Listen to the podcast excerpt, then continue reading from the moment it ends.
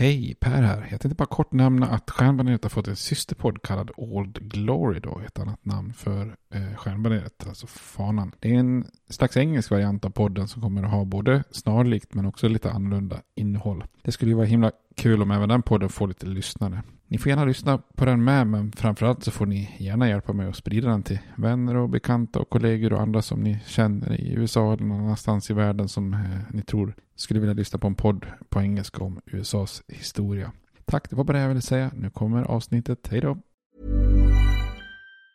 Hej, det är Ryan Reynolds jag är här med Keith, co-star of my upcoming film If, only in theaters May 17th. Do you want to tell people the big news?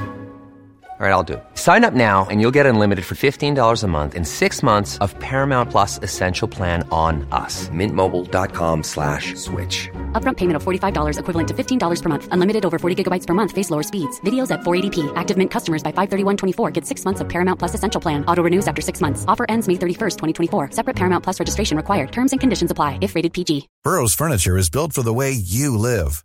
From ensuring easy assembly and disassembly to honoring highly requested new colors for their award-winning seating, they always have their customers in mind. Their modular seating is made out of durable materials to last and grow with you. And with Burrow, you always get fast, free shipping. Get up to 60% off during Burrow's Memorial Day sale at burrow.com slash ACAST. That's burrow.com slash ACAST. burrow.com slash ACAST. I'm Sandra, and I'm just the professional your small business was looking for. But you didn't hire me because you didn't use LinkedIn jobs. LinkedIn has professionals you can't find anywhere else, including those who aren't actively looking for a new job but might be open to the perfect role, like me. In a given month, over 70% of LinkedIn users don't visit other leading job sites. So if you're not looking on LinkedIn, you'll miss out on great candidates like Sandra. Start hiring professionals like a professional. Post your free job on linkedin.com/people today.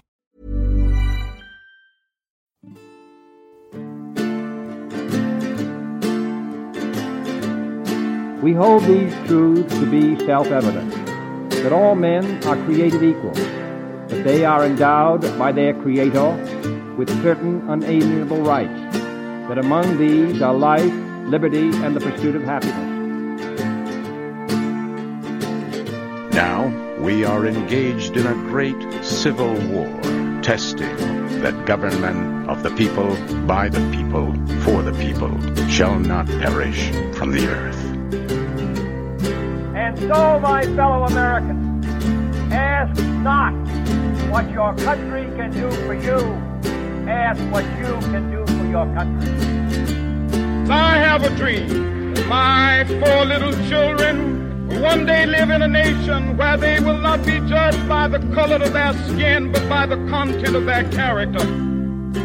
Mr. Gorbachev, tear down this wall.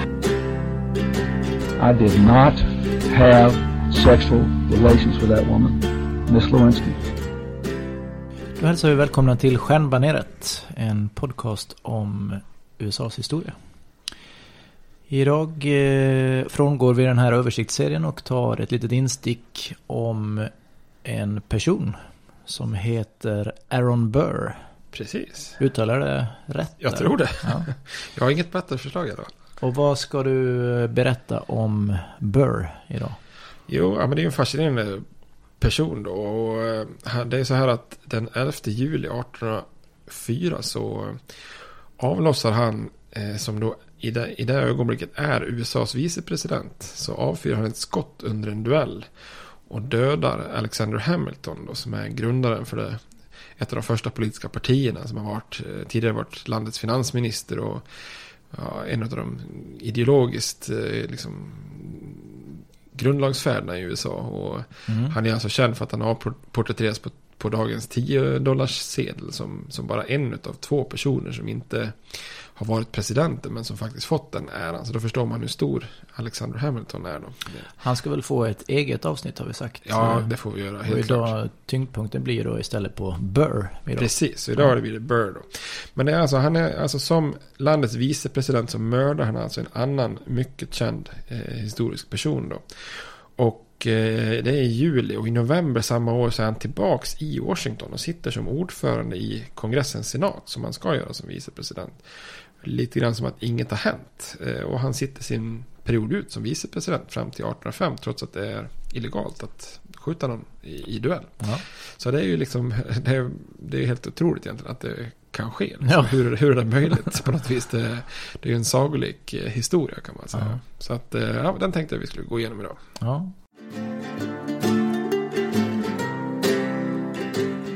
Vad är det för öl som passar till detta då? Ja, det vet jag. Jag, jag har inga, inga som helst referenser nästan. Nej. Jag satt i trevan och tänkte på Jämtlands president koppling till vicepresident. Men den kändes väldigt Ja, långsökt. vi har bara långsökta. Vi, vi snackade ihop oss här innan och då nämnde vi att det kommer handla om duell. Och vad tänker du på för öl då? Duell. Duell, jag tänker på duell. Ja, precis. Belgiska. Trappister eller något, va? Ja, Är det en trappist?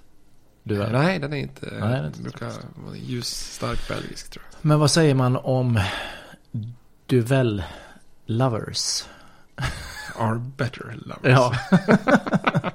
det är väl en god öl? Ja, den är riktigt fin. Den, Ja. den tycker jag är, eh, är en, av de eh, bättre belgiska måste man säga. Ja. Den är väldigt lättdrucken fast den är, det är väl därför den är lite djävulsk. Ja, den är stark. Eh, Åtta och en halv tror jag. Mm. Men ändå väldigt, väldigt lättdrucken. En avancerad gräsklippare. Ja, verkligen. Det blir långsökt eh, koppling till duell då, men vi, vi tar den då. Ja, precis.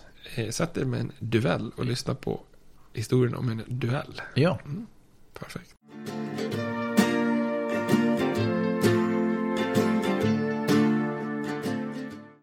Ja, vi får också göra reklam för eh, en annan podcast som vi har precis startat som heter En öl på fem minuter. Ja, precis. Kan du Robert berätta lite kort vad den handlar om? Ja, tanken, precis som namnet säger här då, så ska vi försöka testa öl på fem minuter. Vi kommer gå igenom eh, ja, eh, doft och hur de ser ut och hur de smakar och vilka de lämpar sig för att dricka då på fem minuter. Och vi ska också försöka prata med bryggare på bryggeriet då kring tanken med ölen och kanske lite kring bryggeriet också då. Ja, så ni som gillar det här segmentet när vi börjar försöka koppla en öl till historien.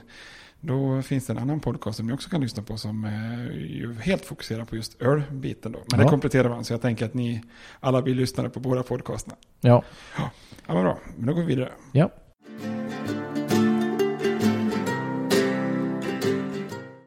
Berätta lite om eh, den här Burr nu då. Aaron Burr. Precis, det är ju en eh, person som gör en politisk eh, karriär i New York och blir en ganska viktig aktör inom det som är det republikanska partiet vid den här tiden, alltså det demokratisk-republikanska partiet, så ska man inte eller blanda ihop med dagens republikanska parti. Eh, det är snarare det parti som sen blir grunden till, till Demokraterna snarare än tvärtom. Eh, och han är en av de yngsta och mest lovande politikerna vid den här tiden då som är i slutet på 1700-talet. Och han blir bland annat vald till, till senaten för att representera New York då. Eh, lite av ett problem med Burr är att han på ytan liksom tycks ha allt men har svårt att på något vis leva upp till det. Han har bra familjeband, han är duktig på många sätt och vis. Men samtidigt vill han verkligen också ge det här intrycket. Så han lever väldigt långt över sina tillgångar. Vilket ju i och för sig är ganska vanligt vid den här tiden. Men han lånar mycket pengar och försöker betala av lånen med nya lån och så vidare. Och eh, försöker hela tiden då få nya fräcka poster i, för att få nya löner. Och hela tiden få skjuts i, i karriären. Och han har inga skrupler på, på att be folk om tjänster och gentjänster. Och enligt hans, eh, enligt Thomas Jefferson som sen kommer att vara en av hans kritiker så, så, så tycker han att han är, han är liksom alltid tillgänglig till salu brukar han säga om, om Bird. Då. Och eh, en, en sak som är speciell med Burr också är på den här tiden är det många som har väldigt sådär, tydliga politiska övertygelser. Men eh, Burr han är liksom, han struntar, han, han, är, han ger sig in i politiken men han har liksom inga direkta ideologier eller övertygelser speciellt. Utan han kan i princip nästan tillhöra vilket parti som helst. Som han visar några gånger nästan går mellan, mellan olika partier. Men man kan ändå känna en del sympati för honom. För att det finns, det finns två, person, eller två, personer, två frågor som han verkligen bryr sig om. Resten så är det så, så, så struntar han i det. Men, och i de här två frågorna som han, ändå liksom står fast vid så ligger han lite före sin tid. För han är dels är han en övertygad sån här abolitionist. Alltså han förespråkar slaveriets eh, avskaffning. Vilket ju är ganska lite före sin tid där, på den här tiden. Eh, och han är också faktiskt en förespråkare av kvinnors rättigheter, till exempel att de ska få utbildning på lika villkor som män för att kunna ja, utveckla sin fulla potentiella intellektuella potential. Då, så, så man kan säga att han är lite av en första tidig feminist faktiskt i mm. amerikansk politik.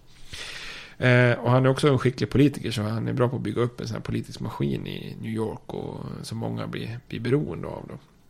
Så det var lite sådär, lite dubbelt. Så han är lite, lite girig och lite ambitiös och, och sådär. Och lite, inte så, alltid så fasta ideologiska vägval. Men ändå en, en, en, person som många blir beroende av eftersom han ändå har en skicklig förmåga till slut.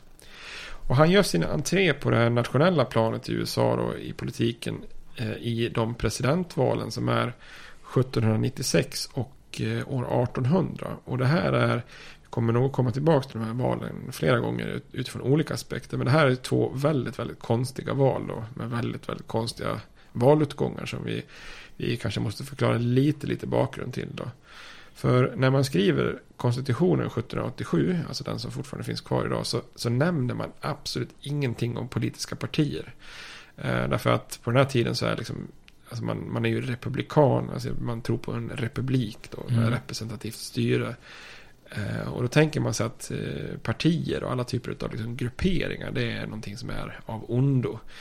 Därför att rent idea, den bästa liksom utopin är att alla politiker ska på något vis agera osjälv, alltså osjälviskt och ja, för det allmännas bästa. Mm. Så man ska vara de här, liksom, lite så här romerska senatens, liksom, så här, man ska vara så här, lärda och, mm. och liksom bara kunna se till landets bästa utan att sätta sina egna särintressen i, i första rummet. Då. Så allt man förknippar med, med partier, då, särintressen, kohandlande, jakt på makt och sånt där, det, det ser de här äh, revolutionära grundlagsfäderna som någonting förkastligt. Då. Utan är man valt så ska man se till republikens bästa. Och det innebär att i konstitutionen så finns det inga som helst funktioner för politiska partier. Man, man tänkte sig att det, det, ska inte finnas och det ska inte uppstå.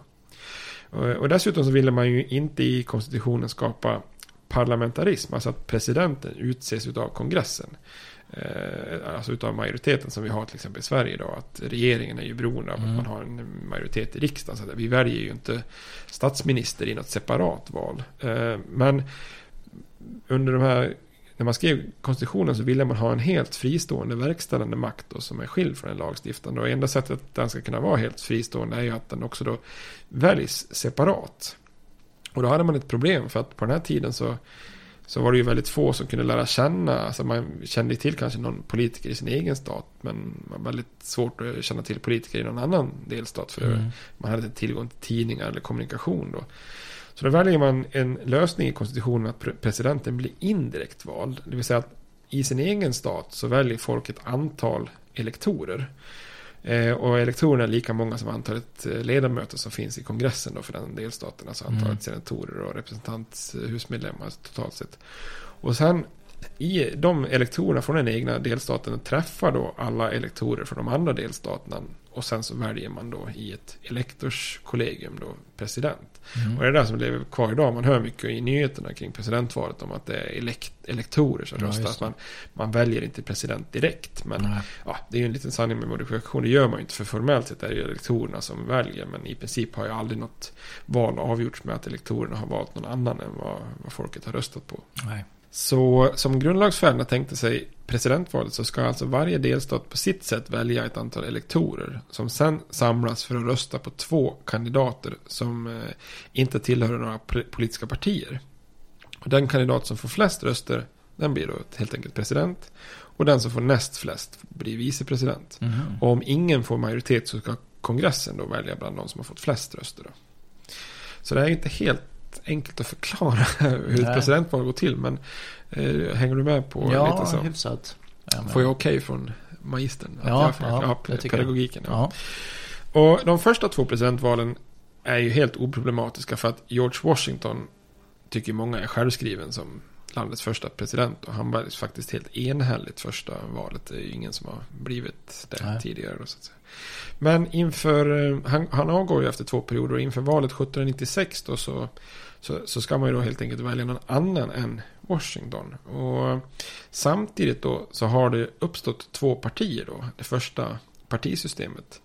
Eh, så att man har ju då två partier, Republikanerna och Federalisterna. Då, två äldst, gamla partier som inte finns idag. Mm.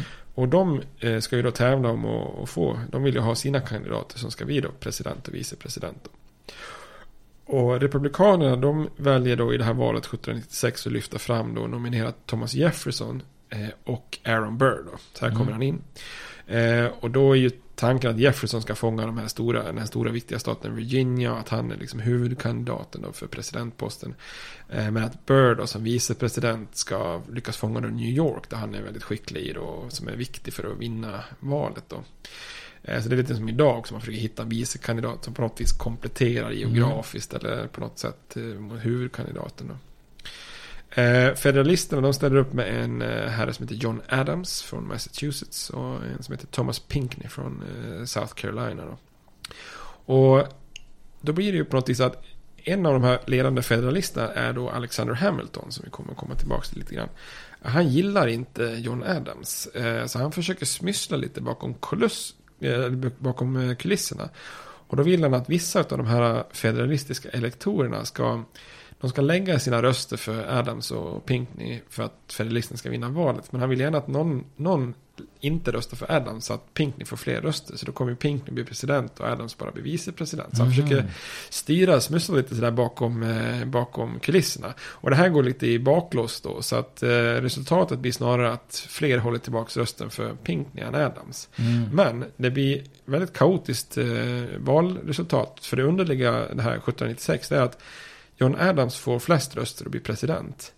Men den som är tänkt som federalistisk vicepresidentkandidat, han får färre röster än motståndarkandidaten Mhm. Jefferson. Eh, Så Jefferson får näst flest röster så han blir vicepresident. Så då, då blir det alltså så att oppositionen får vicepresidentposten. Ja. Det är ungefär som om Trump skulle ha blivit president i år, eller i förra årets val då. Eh, Men att Clinton hade blivit vicepresident istället för eh, han Mike Pence då. Mm. Eller som om Palme var statsminister och Fälldin var vice statsminister. Ja. Eller ja, det går inte att jämföra med Sverige. Nej, Ja, det blir nog men- svårt. Men ja, eh, det, den eh, kopplingen du gjorde till idag var väl Ja. tydlig. Men det låter lite förvirrande. Ja, Det är mycket förvirrande. men det blir så också då. Ja, precis. Så att Ja. då sitter alltså eh, Thomas Jefferson som egentligen tillhör... Alltså han och John Adams är inte glada i varandra vid den här tiden och Nej. politiska motståndare. Men, men han sitter som vicepresident eh, fast han tillhör det andra partiet. Så det är jätteskruvat då. Och Burr här då, han blir ju... Nej, han får ingenting Nej, i det här. men han är med som en tänkt vicepresidentkandidat. Och han är då med precis som en tänkt kandidat i året därpå, eller vad säger jag, i valet därpå, år 1800 då. För då är det återigen då för Republikanernas sida så är det Jefferson och Burr då, som står som kandidater. Igen då. Ja, Mm. igen. Och John Adams som hade varit president i fyra år i det här läget ställer upp en gång till då, fast med en annan vicepresidentkandidat. Och den här gången så vågar ju ingen sån här elektor hålla tillbaka sina röster för att då kan det bli det här kaoset. Utan de, Mm. de har ju två röster och alla elektorerna lägger alla sina röster då. Och den här gången så vinner Republikanerna presidentkandidatet, kandidat, eller presidentvalet. Men då uppstår ju nästa problem att då har ju Jefferson och Burr fått exakt lika många röster. Mm. Och då blir det ju så att då ska helt plötsligt kongressens representanthus välja vilken av de här kandidaterna som ska bli president och vilken som ska bli vicepresident då, eftersom de har lika antal röster. Och det skruvade med det då det är att majoriteten i den kongressen det har motståndarpartiet Federalisterna. Så helt plötsligt så ska alltså motståndarpartiet få liksom valet och välja mellan vilket av motståndarnas kandidat, kandidater som ska få vilken post. Och för många republikaner så är det ju givet att de vill ha Jefferson som president då. Eh, Och eh, man förväntar sig då att han, Aaron Burr går ut och tydligt ställer sig bakom Jefferson och själv försöker liksom påverka federalisterna och säga att ni ska lägga er röst på, på, på Jefferson då. Men eh, han är ju lite ambitiös och herrelysten så han, han gör inte det utan han ligger lite lågt här och tänker nog kanske att ja, men, titta här jag kan faktiskt bli president. Mm, så att eh, han är lite lömsk där då. Och vissa av de här federalisterna, de är ju villiga att välja Burr eftersom de tycker att, eller tänker att han kan man påverka mycket mer än Thomas Jefferson. Så att vissa federalister vill ju faktiskt göra det här då. Så det är ett känsligt dödläge som uppstår om man röstar som, som delstater i kongressen på, i, i en sån här situation. Så att man, man röstar om och om igen men ingen av de här kandidaterna får majoritet. Så det blir lite av en konstitutionell kris där år 1800 då. Eh, men till slut då, då så kliver Hamilton in i handlingen då. För han, eh, och det här är ju en av grogrunderna till att Hamilton och Burr blir fiender därför att eller ska, de blir liksom på något vis varandras nemesis, eller vad man ska Mm. säga det. För Hamilton, även om han ogillar liksom Jefferson som sin stora politiska ideologiska fiende, så, så tycker han ändå eh, Eh, utifrån, för han är ju också från New York, Hamilton, att Burr är farligare och värre och mer korrupt och sämre som president. Så att han lyckas övertala en del federalister att ni ska nog välja Jefferson ändå då. Så efter sex dagar och 36 omröstningar så blir Jefferson president och Burr blir vicepresident då.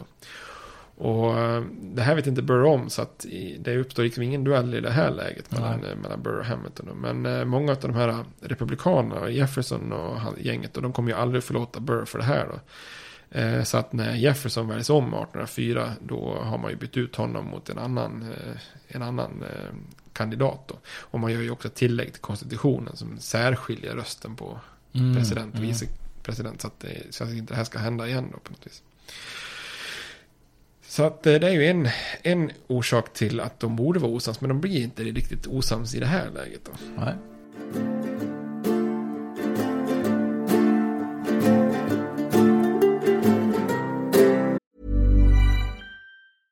Hey, I'm Ryan Reynolds. Recently, I asked Mint Mobile's legal team if big wireless companies are allowed to raise prices due to inflation. They said yes. And then when I asked if raising prices technically violates those onerous two year contracts, they said, What the f are you talking about, you insane Hollywood ass? F- So to recap, we're cutting the price of Mint Unlimited from $30 a month to just $15 a month. Give it a try at mintmobile.com slash switch. $45 upfront for three months plus taxes and fees. Promo rate for new customers for limited time. Unlimited more than 40 gigabytes per month. Slows. Full terms at mintmobile.com. Hiring for your small business? If you're not looking for professionals on LinkedIn, you're looking in the wrong place. That's like looking for your car keys in a fish tank. LinkedIn helps you hire professionals you can't find anywhere else, even those who aren't actively searching for a new job but might be open to the perfect role. In a given month, over 70% of LinkedIn users don't even visit other leading job sites. So start looking in the right place. With LinkedIn, you can hire professionals like a professional. Post your free job on linkedin.com slash people today.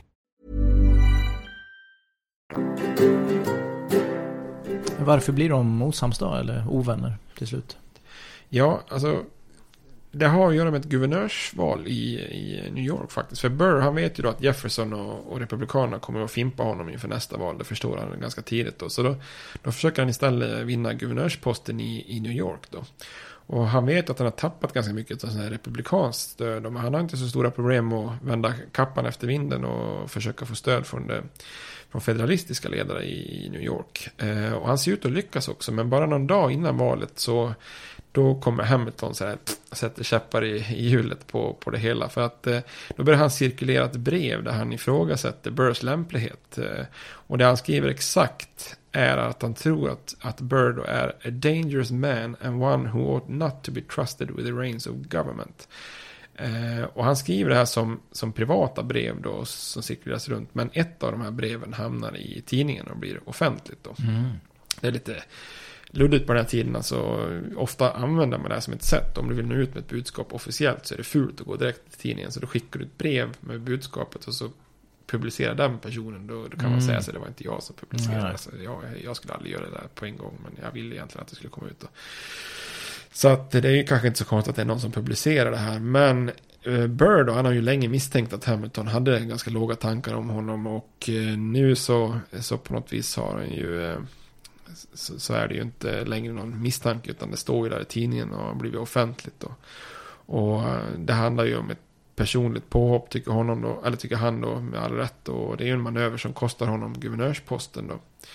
Så att eh, den 18 juni så utmanar då Burr Hamilton till en duell ifall han inte tar tillbaka sitt uttalande. Mm. Och under tre veckors tid så skickar man lite brev fram och tillbaka för att reda ut det här. Och, och, eh, och Hamilton han försöker dribbla lite fram och tillbaka över olika ords mening och förklara sig och sådär. Och eh, Burr han blir bara irriterad över att Hamilton fokuserar på grammatik och semantik liksom och tappar Mm. det stora där. Och, och i grund och botten så kan inte Hamilton förneka sitt uttalande. Att, eh, och han kan heller inte dra sig ur den här duellen då, utan att hans rykte om integritet och mod tar allt för stor skapa, eller skada.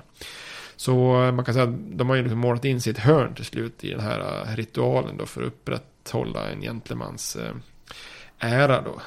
Så att man kan säga att dueller på den här tiden löser liksom frågor om ära, inte frågor om fakta egentligen. Nej.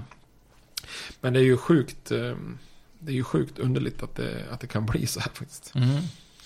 Och den här duellen den väcker ju väldigt mycket konstiga frågor. Alltså varför skulle en vicepresident och högt uppsatt politiker utsätta sig för risken med en duell? Det är liksom lite konstigt kan man tycka. Och varför skulle två skickliga advokater välja att gå runt det legala systemet? För båda är ju advokater liksom.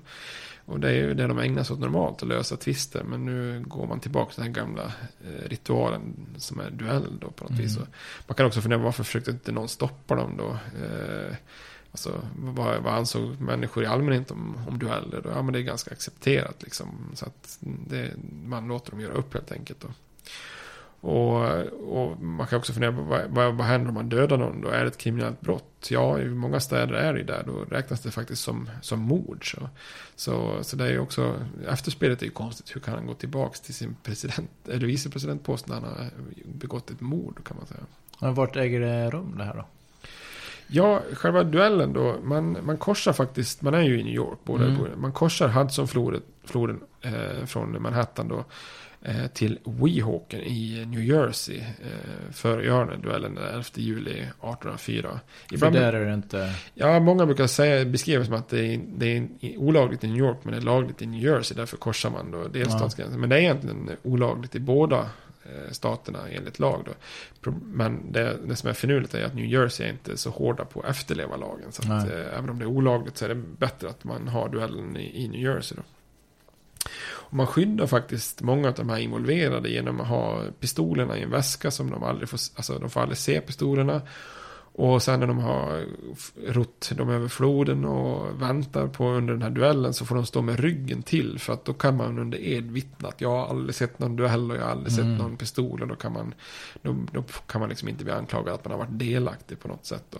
Och varje, varje man då har ju vid en duell med sig en sån här sekond då, och en läkare. Alltså som, som, en som hjälper och en som kan ta hand om skadorna. Och den här sekonden, det är ju den som både hjälper till med brev och sånt innan. Levererar de här breven och grejer och, och så. Men, men också den som assisterar under duellen med, med vapen då. Och det är ju bara några få av deras vänner som känner till den här duellen. Och det är ju ingen som försöker stoppa dem eftersom det ses som så normalt. Och tittar man, Hamilton han talar till exempel inte om någonting för sin fru. Han skriver ett väldigt kärleksfullt brev dagen innan eh, som hon ska öppna ifall han dör. Eh, och till och med när hon ska få komma till hans dödsbädd så får hon först förklaringen att han har smärtor på grund av en sjukdom, inte duell. Mm. Så att eh, man, kvinnor stänger man helt ute från den här maskulina världen av dueller då.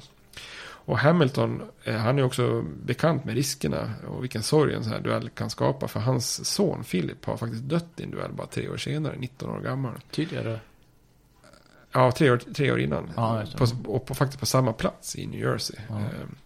Eh, Efter att han har hamnat i en liten så här hetsk ordväxling med, ordväxling med en man på en teater. Så, så, så jävla dumt kan det vara. Bara Mm. lite så här osams på en teater och sen så skjuter man varandra.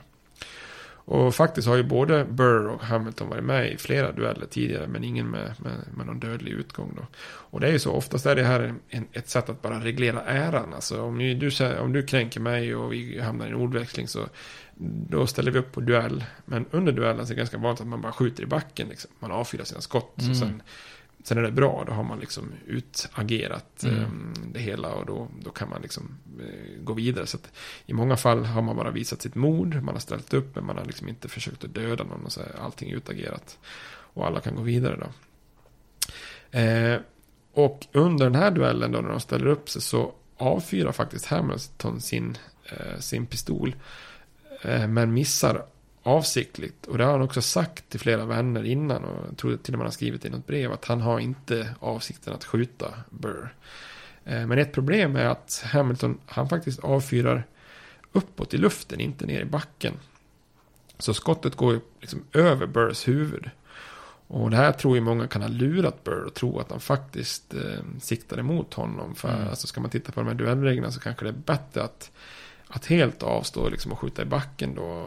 Hade han gjort det så hade det inte varit så snyggt av Burr att döda honom. Men alltså Burr han har ju, han har ju börjat, eh, börjat liksom sikta eller börja med pistolen så helt plötsligt avfyras ett skott liksom som kommer någonstans liksom upp i luften. Han blir liksom lite förvirrad. Så det kan ju också ha varit så att Hamilton var lite osmidig här på något vis. Mm.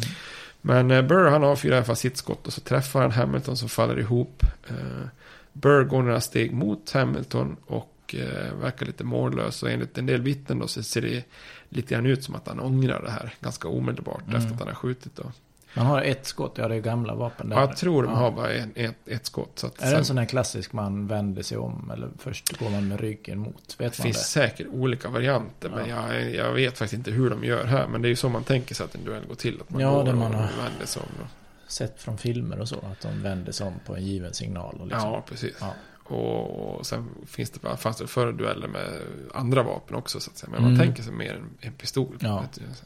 Men det här skottet i alla fall som Burr avfyrar, det går in eh, genom Hamiltons revben, träffar lever och krossar ryggraden. Så han dör ju under ganska jobbiga plågor dagen efter, 49 år gammal då. Och de här, de här vapnen, faktiskt, de här två pistolerna, har en egen historia faktiskt. För att eh, Hamiltons svåger John Church, han har sett, köpt de här eh, duelleringspistolerna i London 1797. Och han använder dem själv, det här är också jävla ironiskt, i en duell mot Aaron Burr. Eh, där ingen av dem skadas. Och sen är det så att Hamiltons son Philip, han använder ju de här pistolerna i sin duell när han dör. Mhm. Några år tidigare. Så Hamilton eller Burr håller faktiskt i den pistolen som dödar Hamiltons son. Då. Ja. Och den här familjen Church, de eh, ger faktiskt eh, de här pistolerna i en gåva sen till en bank som det här är också så här lite ödets ironi. Eh, I styrelsen till den här banken har både Church själv, Hamilton och Burr varit i styrelsen. Mhm.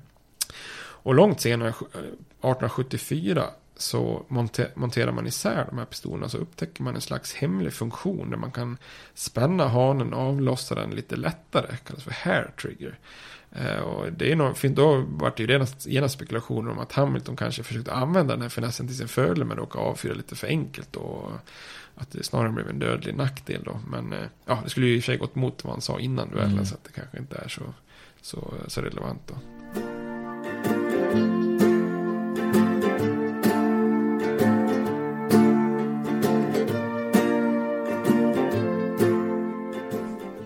Så Hamilton dör här nu då. Eh, skjuten av Burr. Och vi får väl återkomma då till eh, Hamiltons liv. Men hur, eh, hur fortsätter det här nu då för Burr? Ja, alltså när den här nyheten börjar spridas om att, att det här har ägt rum då så, så börjar ju New York stänga lite så här affärer och man utropar en sorgeperiod och sånt där. Så då blir Burr lite rädd att det kanske inte är så lämpligt att ge mig tillbaks till, till New York då. Så först flyr han till Philadelphia och sen så flyr han söderut till vänner i South Carolina då. Men han är fortfarande vicepresident. Ja, eller? han är fortfarande formellt vicepresident då. Eh, och i tidningarna i nordstaterna så är man ju upprörd över det här som en illegal duell och att en av de kändaste männen som finns i, nationen har dött tragiskt då. Men i södern så är man inte lika upprörda för mer än någon annanstans så är dueller eh, ja, accepterar det där som en slags extra legal metod för att reda ut oförrätter och ära bland aristokratiska gentlemän då. Så enligt många där så har ju Burr bara agerat alltså, precis som man borde. Och, och i södern har man heller aldrig varit speciellt förtjust i Hamiltons ekonomiska politik när han var finansminister. Så att han är inte direkt populär där. Så de kanske Nej. snarare tycker att Burr gör, gör nationen en tjänst. Så att säga. Och det är så, så därför är det inte så konstigt att han flyr till vänner i, i södern Burr. För där, där vet han att han får, får stöd då. Och i många av de här nordstaterna så har man ju gjort dueller illegala då. Och att, att bara att utmana någon till duell är, är kriminellt. Och att döda någon då är ju att anses vara mord då. Mm. Och till och med efter döden i en duell så kan den som förlorar, eh, förlorar få ett sista straff genom att man begravs utan kista, att eh, kroppen sätts på pål och visas upp tills man ruttnar eller att man faktiskt doneras till medicinska studier, vilket ansågs vara hemskt på Mm. den här tiden. Det var inte så att donering var på tapeten Nej. om man säger så. Eh, Så genom att vara nära liket så hoppas man också för att avskräcka från dueller och att man ska få en hemsk händelse efter döden. Då. Men Hamiltons kropp bes- besparas den här vanära. Men det är faktiskt så att två pr- präster vägrar att ge honom sista smörjelsen på dödsbädden. Det är först den tredje som tackar ja eftersom de tycker att det är upprörande med dueller. Då. Men i södern så kommer ju dueller att vara jättevanligt eh, i princip fram till inbördeskriget. Då. Eh, så efter, efter den här Hamilton-Burr-duellen så är det ganska ovanligt i norr. Men i södern så, så där, där fortsätter man du- duellera som ingenting har hänt då. Och när allmänheten får veta, veta på bakgrunden till duellen då. Eh, för de här brevväxlingarna som de här sekonderna har skött, de publiceras efter det här då. Och då, allmänheten kräver ju att få reda på vad det är som gör det. Så det publiceras då. Och när det här blir klart då, så i New York anklagas då Burr för alltså den kriminella handlingen att utmana till duell. Eh, och i New Jersey blir han ju då anklagad för mord. Då. Mm. Men det är ju också svårt att åtala honom för han, har ju, han är ju för närvarande i South Carolina då. Men det som är otroligt med den här historien är ju att han återvänder i november 1804 till Washington DC då. Eh, som vicepresident. Och vicepresidenten ska vara ordförande i senaten. Och där fortsätter han att tjänstgöra ända tills perioden är slut i, i mars 1805 då. Mm. Men många federalister vänder honom ryggen och vägrar prata med honom. Eh, Men alla republikaner, de, de skriver faktiskt New Jersey och ber att ni borde nog lägga ner det här åtalet eftersom civiliserade nationer kan ju inte anse att eh, död vid duellering är ett mord, skriver de. Så att de vill liksom lobba för att det här ska inte vara någonting då. Och i slutändan så driver inte New Jersey eller New York de här anklagelserna vidare. I New Jersey lägger man ner hela fallet då med motiveringen att, att eh, Hamilton, han sköts visserligen i New Jersey. Men han dog i New York för de tog med Ja. honom och rodde tillbaka. Så att då, ja, sådär. Så att det blir lite tekniska teknikaliteter. Så ingen av staterna driver det här vidare. Så Burr han kan komma och gå sen till både New Jersey och New York eh, kommande 30 åren av sitt liv då. Ja. Så, eh, så kommer det sig att en vicepresident kunde mörda och Ja. komma undan med det. Ganska otrolig historia. Ja. Men vad gör han sen då? Vet man det? 30 år så. Han, han lever vidare här en bra bit in på 1800-talet då. Precis, och det är det som är väldigt fascinerande med, med hela den här karaktären Bird. För hans konspirerande är inte slut. Nej. Utan, eh, alltså, eh, få tvivlar ju på att han har eh, tvivelaktiga affärer för sig. Och han fortsätter med det här. Så under våren, art, eller våren, under vintern 1804-1805 så då verkar det som att USA är på väg in i ett krig med Spanien. Då reser Burr västerut eh, där han träffar en general som heter Wilkinson. Och de börjar studera lite kartor här över sydvästra USA och spanska Texas och sådär. Och samtidigt har han kontakt med britter och brittiska agenter och ber om finansiellt stöd för sitt eh, nya projekt. Och då är tanken att man ska kunna bryta loss den sydvästra delen av landet och så skapa en ny stat. Eh, Att man liksom tar lite från USA och Spanien där i samband med någon eventuell konflikt. Och så Mm. utropar man helt enkelt en, en, en ny stat då. Ja. Och det här brukar kallas för Burr Conspiracy, eller Burr-konspirationen då. Och ehm, i slutändan så, så blir han förrådd, Burr, utav den här Wilkinson. För han eh, inser att det här projektet är alldeles för, för osäkert. Så han, han förråder Burr bakom ryggen då för att rädda sitt eget skinn. Så, så skvallrar han till eh, Jefferson som är president då. Och eh, Eh, Burr han, han eh, arresteras, eh, försöker vid ett tillfälle fly till spanska Mexiko. Lyckas arresteras igen och sen till slut så blir han förd till, till, tillbaks till östkusten då och blir då åtalad för förräderi mot USA. Mhm. Och men han är, han är liksom lite flyt och komma undan så här. För han lyckas ducka en gång till då. För det, det är lite oklart exakt vad eh, Burr då har sagt till vem och vad. Så att det är Mm. lite luddigt här med vad det är han har egentligen försökt åstadkomma i sin konspiration. Då. Det är inget, man ska säga i moderna termer, det är ingen tydlig projektspecifikation. Det är inte ett bra avgränsat projekt. Eh, Så det blir väldigt svårt att få fram något liksom, bevis på vad, vad Burr egentligen har tänkt då. Och eh, då finns det ju en legendarisk chefsdomare i högsta domstolen som heter John Marshall. Och han använde just det här fallet Burr för att sätta ner foten kring att ska någon kunna dömas för förräderi då måste det vara ganska rejäl, vattentät Mm bevisning för att det skulle, ska, ska gå igenom då. Och, och Jefferson han är ju jättetrött på vid det här laget så han gör ju allt för att få honom fälld då. Mm. Och, men då är John Marshall och Jefferson de är tror jag, eh, någon slags eh, kusiner eller släktband på något vis. Och de är i luven på varandra så att det blir ett bra tillfälle för John Marshall att frustrera Jefferson ytterligare genom att inte döma Burr. Så han Mm. lyckas, eh, lyckas faktiskt komma, komma undan igen då från för- förräderiåtalet då. Så efter, efter det här friandet då så är ju dock eh, Burrs karriär helt körd. Så han flyttar faktiskt utomlands och, och sen återvänder han eh, långt, långt senare och faktiskt eh, sina allra sista år spenderar han i, i USA i något litet hus som jag tror är ett museum än idag. Så, att, Mhm. så det är en fascinerande person som liksom, han är involverad i den ena kontroversen efter den andra. Ja, liksom. låter det att, eh, verkligen som. så att först det alla de här kaotiska presidentvalen och sen är det just eh, duell med Hamilton och Ja. mord, mordåtal och sen så försöker han förråda landet och sådär. Så att det är ja, spännande. Det är... Nu ska jag kolla upp mer kring den där Burr Conspiracy. Den Ja, men det, ja. det kan man läsa mer Jaha. Kan vi kanske ha som ett ämne någon gång ja, kanske det. Men först tycker jag vi ska ta den andra sidan av historien här och Hamilton. Ja, precis. får vi titta på sen. Han har ju också ett fascinerande, det här blir ju en parentes av Hamiltons liv. Ja. Hamilton har ju jättemycket annat för sig och eh, betydelsefullt på många olika sätt och vis. Så han får vi återkomma till. Det får vi göra.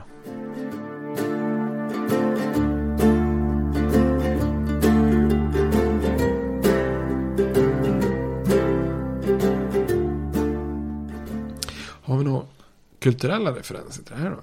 Ja, du var ju inne på duell, men jag vet inte i, i den bemärkelsen som vi tänkte här att man en sån här gammal eh, slags duell. Det kan jag inte koppla till någon specifik film så det har man väl sett i ganska många Det känns som det borde ha funnits i många filmer men jag kommer inte på något bra. Men sen blir det ju senare, men det är ju de här klassiska västernduellerna. Ja, när man ställer upp sig och ska dra. Ja, precis. Är det inte så har ju mycket- varit inblandad i många sådana. Då är det inte så mycket som du sa där, gå rygg, Nej, rygg ett antal steg. Man går bara gå ut på gatan och... Ja. Ja. Så, han har ju gjort många, Pale Rider heter väl en med Clinton. Där han har en sån här poncho över sig. Så när det blir Just det. dags för duell så kastar han ju upp den då lite snyggt på axeln. Och det är väl Clinton också i Den onde, den gode, den fule. va? När de är tre som Just ska det, just duellera på slutet där. Klassisk scen. Ja, verkligen. Det är inte en film som, just den scenen, det går inte för fort liksom. Nej, den mjölkar man ur den scenen. Billig produktion. Ja, Står mest och svettas och tittar på varandra. ja. Men när det gäller eh, musik och så, så återigen, vi återkommer till den här musikalen som har gjorts om Hamilton. Men det, det får ju bli i, i det avsnittet då. Ja, precis. Ja. Det är väl en, en eh, hip- hiphop-inspirerad Ja, det får eh, man säga. musikal. Så det, mycket, mycket referenser till Hamiltons liv. Ja, Mm. Jag såg också faktiskt en lite så här halvsjuk grej att 2004 för att fira eh, 200-årsjubileumet så gjorde man en sån här reenactment som är ganska vanligt. Alltså, ofta säger reenactments av slag. Alltså man ja återskapar precis. slag. Som Gettysburg. Precis, eller? så, så här tjocka gubbar som inte alls ser ut som gamla Mhm. soldater ute och leker, leker krig. Liksom. Men då gör man faktiskt en sån återskapande av den här duellen då, precis på det här stället vid Hudson River, Jaha. eller Hudsonfloden. Och då är det alltså någon Douglas Hamilton som är någon slags eh, femte generationens eh, barnbarn till Alexander Hamilton som, som möter då Antonio Burr som är någon slags Jaha. avlägsen eh, släkting på någon kusinsida till Aaron Burr då. Och att det står typ tusen personer där och, och, eh, och liksom... Det här måste ju finnas inspelat. Eller? Ja, det måste ju nästan finnas. Måste jag man har inte sökt på. på det. här, Men det ska tydligen finnas, en så här, typ 60 släktingar från Hamilton och 40 från Burr som, eh, Jaha. som, som, som, som är med där då på något vis. Och sen så såg jag också att eh, det var i något tillfälle någon, någon utomjording som gör en koppling till eh, Alexander Hamilton när han ska duellera i Star Trek. Oj. Men jag har aldrig följt Star Trek. Har du gjort det? Nej, nej kan jag ingenting fastnade nästan, inte riktigt för det. det var... Nej, nej. Det... Och sen så, jag, jag nämnde ju inledningsvis att han, finns ju med på 10 dollars scenen. Hamilton ja. Ja, precis. Ja. Men Burr finns inte med på någon Nej, sedel va? Inte konstigt kanske. Nej. Och då var man ju faktiskt på väg att byta ut Hamilton på 10 dollars. eh, Byta ut honom mot en kvinna. Men eh, eh, man, man, den här musikalen just är så populär så man Ja. byter tillbaks. Men det kan Ja. vi ju prata mer om. Ja, det får vi ta nästa. Hamilton. Bra, men eh, då, Är vi klara? ja, då säger vi hej då. Tack och hej. Tack, hej. States like these and their terrorist allies constitute an axis of evil. And if the hippies and the yippies and the disruptors of the systems that Washington and Lincoln as presidents brought forth in this country will shut up and work within our free system of government, I will lower my voice.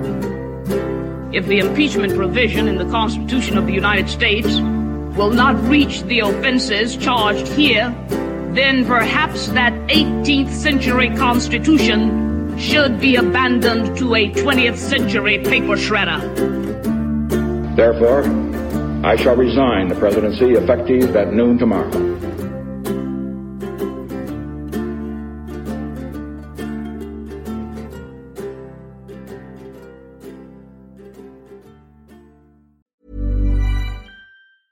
Hey, folks, I'm Mark Marin from the WTF Podcast, and this episode is brought to you by Kleenex Ultra Soft Tissues, your ally to help tackle your allergy symptoms this season. I love the change of seasons, but nobody loves pollen and all those other things floating in the air that make you sneeze during this nice weather. Kleenex Ultra Soft Tissues are hypoallergenic and allergist approved, so fight back against watery eyes and runny noses without worrying about irritating your skin. For this allergy season, grab Kleenex and face allergies head on.